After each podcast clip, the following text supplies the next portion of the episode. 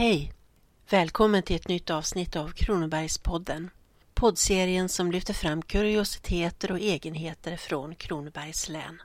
Här kan man möta livsöden, händelser, historien bakom särskilda byggnader och institutioner och mycket mer.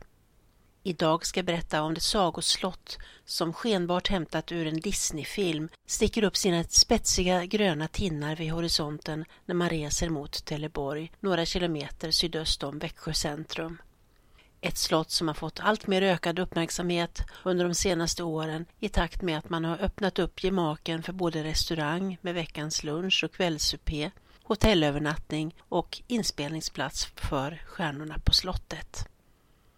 Ett sånt här slott måste väl vara flera hundra år gammalt, tänker man kanske. Det ser ju onekligen så ut med sin tunga riddarromantik i granit och järn i ett utförande som påminner om slott från senmedeltiden och ungrenässansen i Frankrike och Tyskland där det ligger inbäddat bland bokar och lindar och med azaleor och rhododendron som ramar in det med glödande färger. Även invändigt är slottet dekorerat med tidstypiska detaljer från gången tid. Men skenet bedrar. Slottet stod färdigt på hösten år 1900 efter tre års byggande och är i själva verket inte mer än cirka 120 år gammalt och därmed vad som sägs vara Sveriges näst yngsta slott. Den som lät bygga slottet var greve Gustav Fredrik Bonde som var mycket förmögen och tillhörde en gammal småländsk adelsätt med rötter i 1200-talet och som tillhörde Sveriges högadel. Han föddes 1842 och ägde nio stora gods, alltifrån Sörmland och söderut ner till Skåne. Några av dessa var Hörningsholm, Sävstaholm, Toftaholm och Trolleholm. I sitt första äktenskap var han under 26 år gift med den engelska Charlotta Horatia Marriott, med vilken han fick fem barn.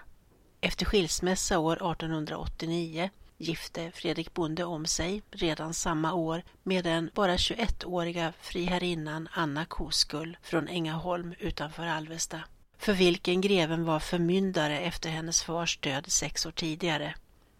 Paret var mestadels bosatta på Sävstaholm i Västra Vingåker i Sörmland, men Fredrik Bonde lovade enligt uppgift att uppföra ett slott till sin unga hustru som morgongåva på en plats som låg närmare hennes hembygd. Bland folk spred sig det lustiga uttrycket Vad gör inte en bonde för sin kos skull?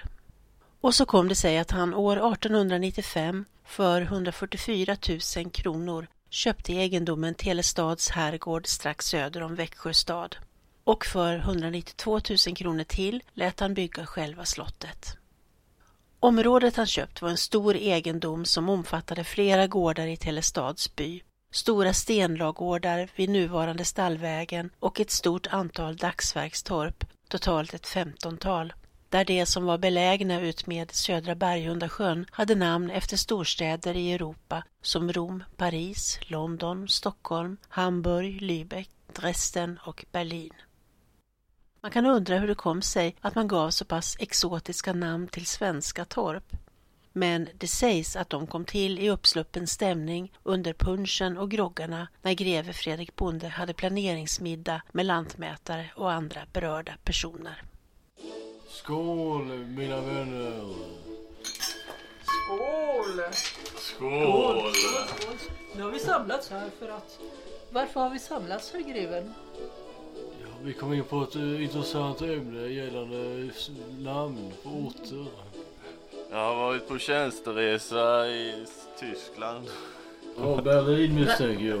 Ja, det är ett mycket intressant uh, f- föranlett namn. Eh, Jag har länge funderat på vad jag ska ge mina torp för namn. Ja men det är ju en lysande idé att ge torpen namn efter europeiska storstäder. Mycket. Berlin, Paris. Kanske Dresden? I- för, för att inte tala om Lübeck. Är Ludwigshafen. Vi måste skåla för detta mina vänner. Skål! igen! Skål! Gud vad roligt!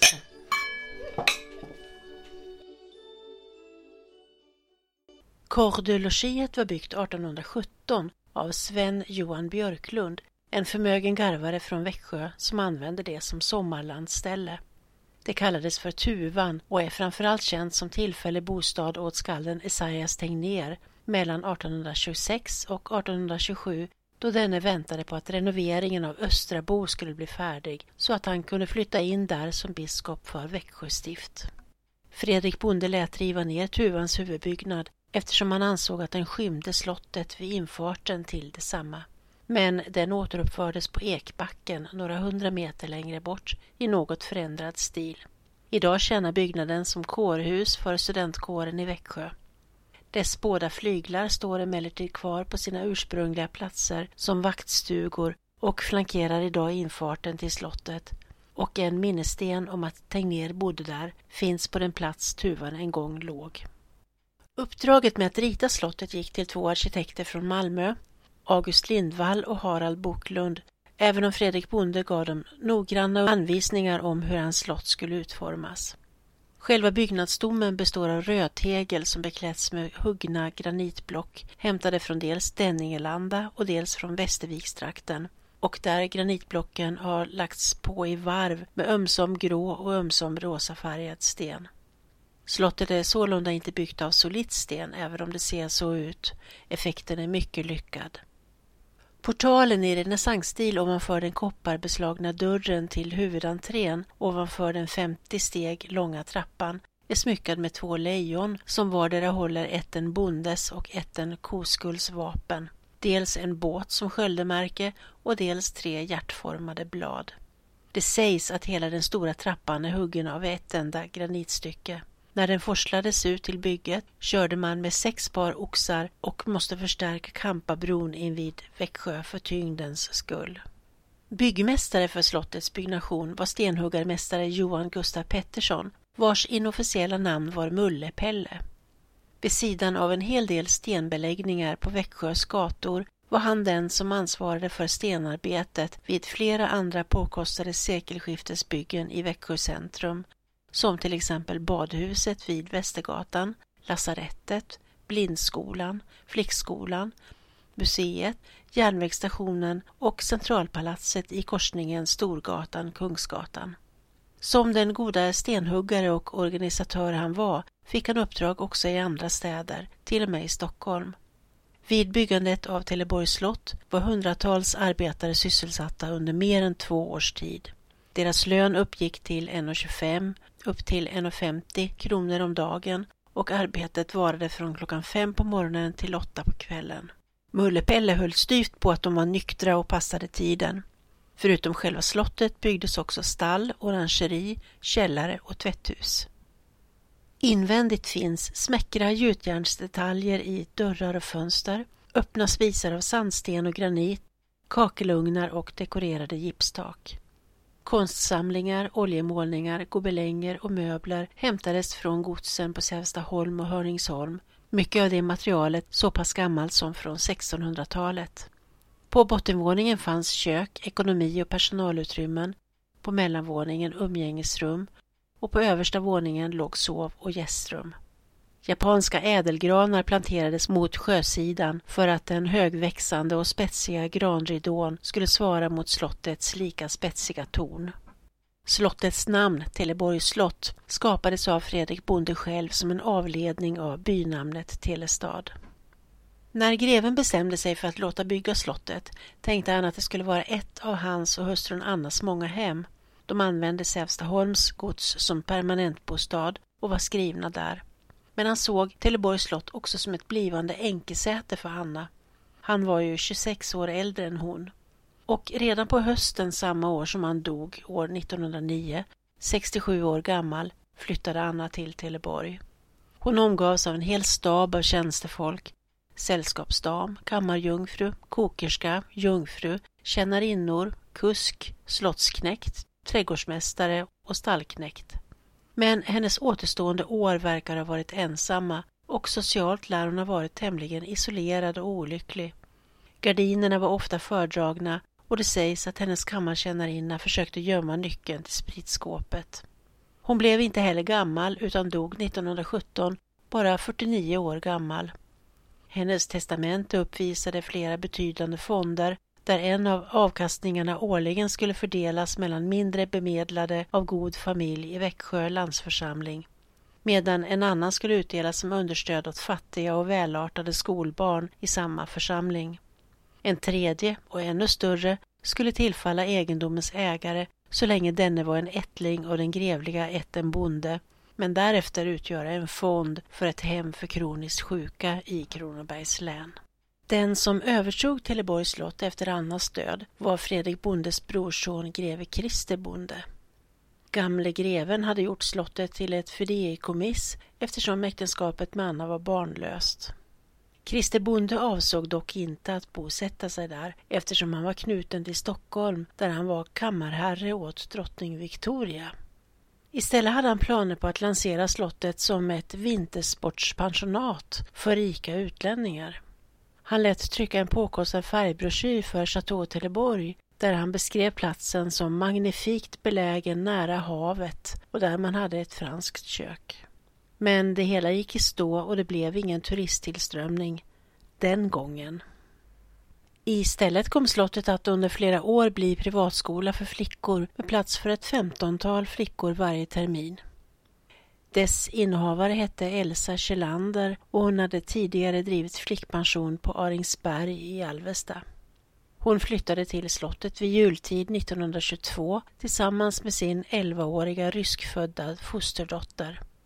Våren därpå gifte hon sig med den 12 år yngre egyptiern Abdul El Kirsch som var språklärare och som hon träffat i Egypten ett år tidigare.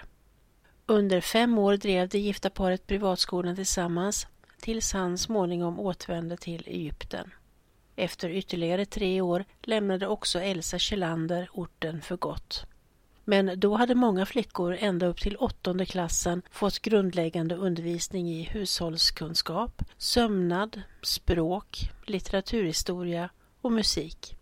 Några gånger i veckan gjorde man utflykter in till Växjö centrum då man bland annat gick på konditori. Eleverna strömmade till från hela Sverige och deras föräldrar tillhörde samhällets mest penningstarka såsom grosshandlare, direktörer, fabrikörer, godsägare, grevar och baroner.